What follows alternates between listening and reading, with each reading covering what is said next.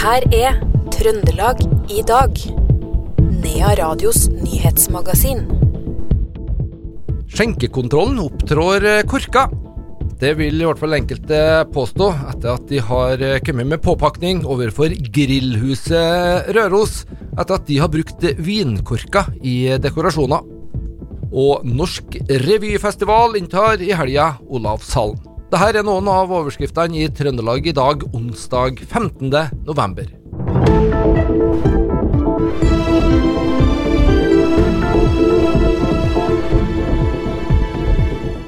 I Trondheim er det nå høy luftforurensning pga. svevestøv, spesielt langs E6 og omkjøringsveien. Dette skyldes først og fremst eh, veistøv, skriver kommunen i ei eh, pressemelding. Det gjennomføres eh, tiltak i form av intensivt renhold og støvdemping for å få kontroll på situasjonen. Trondheim kommune, Statens vegvesen og Trøndelag fylkeskommune følger situasjonen nøye og vil fortløpende vurdere behovet for ytterligere tiltak, skriver NRK. Aker Solutions er blitt eh, tildelt nok en betydelig kontrakt fra svenske Vattenfall AB. Også denne gangen gjelder det et deleprosjekt til den gigantiske tredelte vindparkutbygginga Norfolk Offshore Wind Zone i Storbritannia. Dette er den andre kontrakten eh, selskapet får på under ei uke. Aker regner med en total kontraktsverdi på mellom 6 og 7 milliarder kroner. I natt gjennomførte Statens vegvesen en kontroll for tunge kjøretøy og vinterlasting på Verdal kontrollplass. Etter kontroll på om lag 16 kjøretøy ble resultatet ett overlastgebyr, tre bruksforbud og to brudd på kjøre-hviletid. En eh, fører ble også anmeldt for flere alvorlige brudd på kjøre-hviletidsbestemmelser. Siktelsen mot den tidligere kommuneoverlegen på Frosta er utvida fra 35 til 39 voldtekter. Samtidig blir 47 av sakene som omhandler filming, henlagt pga. Eh, foreldelsesfristen. Det skriver Adresseavisa. De siste ukene så har vi i Nea Radio fulgt en delegasjon fra Røros Rotary-klubb, som har vært i eh, Ukraina. Levert eh, to biler der, derav en gammel ambulanse proppet med medisinsk utstyr. Nå er oppdraget utført, og Ole Jørgen Kjellmark, en av deltakerne på turen, syns det er ganske godt å være hjemme igjen. Det er jo det, eh, men vi har opplevd at vi har vært trygge hele tida på hele turen. Eh, men det er litt med å finne tilbake til en vanlig døgnrytme og, og eting. Så greit å komme hjem, men det var kaldt, da. Hva er det som har gjort uh, sterkest inntrykk på, på deg? Altså, du har jo vært i et uh, krigsherja land uh, nå. Uh, nei, utrolig mange uttrykk, inntrykk. men den totale innsatsen som både altså ikke, ikke bare det militære i Ukraina legger ned, men hele befolkninga. Ukrainere som jobber dugnad for at soldatene skal ha det bra eh, nabolag som støper eh, en form for bluss som de eh, soldatene kan varme seg på.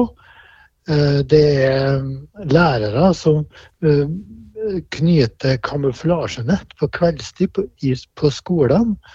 Det er eh, folk som jobber frivillig på sykehusene. Og totalt er landet en, en total krigsinnsats alle sammen bidrar. Og det var det Ole Jørgen Kjellmark som sa. Nylig så fikk restauranten Grillhuset på Røros besøk av skjenkekontrollen.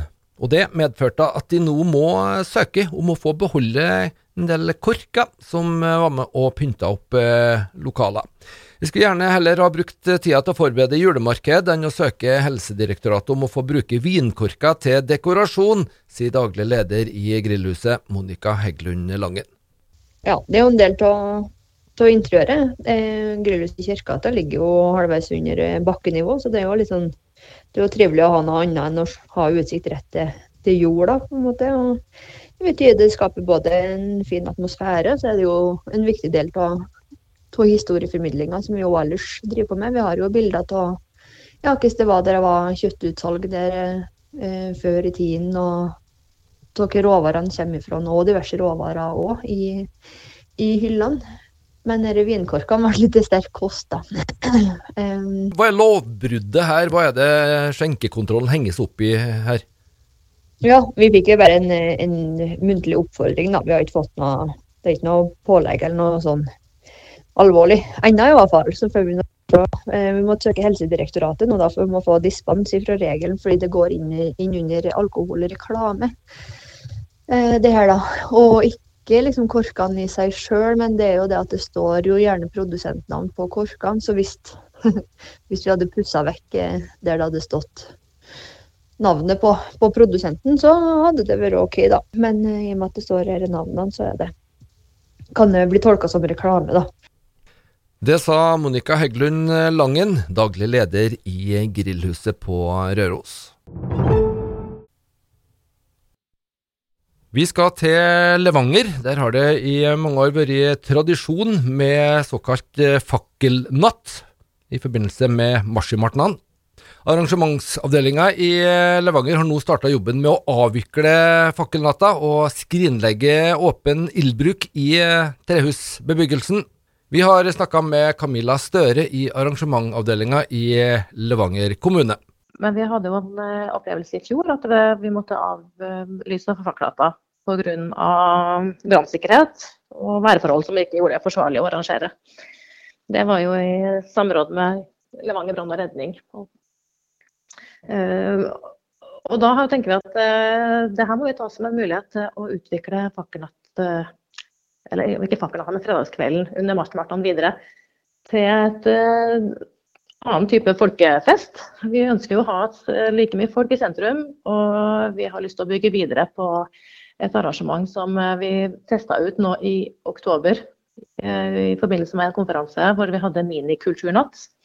Og det her så vi det var både stor interesse for blant eh, de som var med og deltok, og de som var publikum. Og det er noe eh, vi da vil få til et enda større format under eh, marsjmartnan. Det mange lurer på, det er jo disse tablåene. Blir de stående? Ja. De er jo, Tablået er jo basert på frivillighet og eh, næringsliv og privatpersoner som stiller med aktivitet under selve fakkeltoget. Og det tenker vi at vi kan videreføre som en del av Kulturnatta. Også tablåer kan jo være i sentrum og være opplyst, eller vi kan ha noen av de her foreningene som har vært med i fakkelnatta i samarbeid med f.eks. Eh, private gårdeiere eller andre aktører i sentrum som kan ha et innslag, da, på lik linje som dette tablået har vært. Det sa Camilla Støre i arrangementsavdelinga i Levanger kommune til reporter Knut Inge Skjem.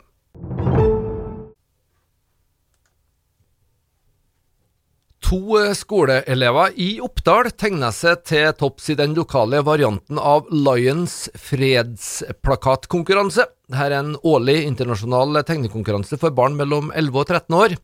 Årets tema var Våg å drømme.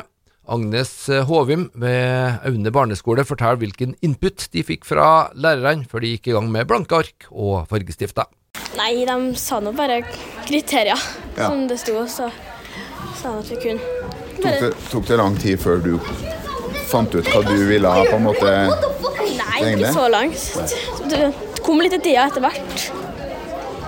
Du må forklare noe. Hva, hva er det vi ser her? Ja, det er jo verden, jorda.